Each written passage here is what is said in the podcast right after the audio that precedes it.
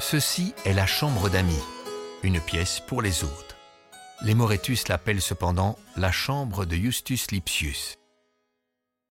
Justus Lipsius est l'un des humanistes les plus célèbres de son époque. C'est ici qu'il travaille lors de ses nombreuses visites à cette maison. Le tableau au-dessus de la cheminée est une scène purement humaniste.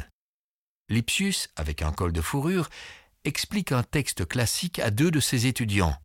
Le peintre, Peter Paul Rubens, observe la scène. Sur le tableau, on aperçoit également un buste du philosophe romain Sénèque. Sénèque est le père spirituel de cette assemblée. Son portrait, qui le représente peu de temps avant sa mort, est accroché à gauche de la cheminée. Sénèque était un stoïcien, une personne qui aspire à la constance et la sérénité de l'âme, même dans des moments difficiles, et donc aussi face à la mort.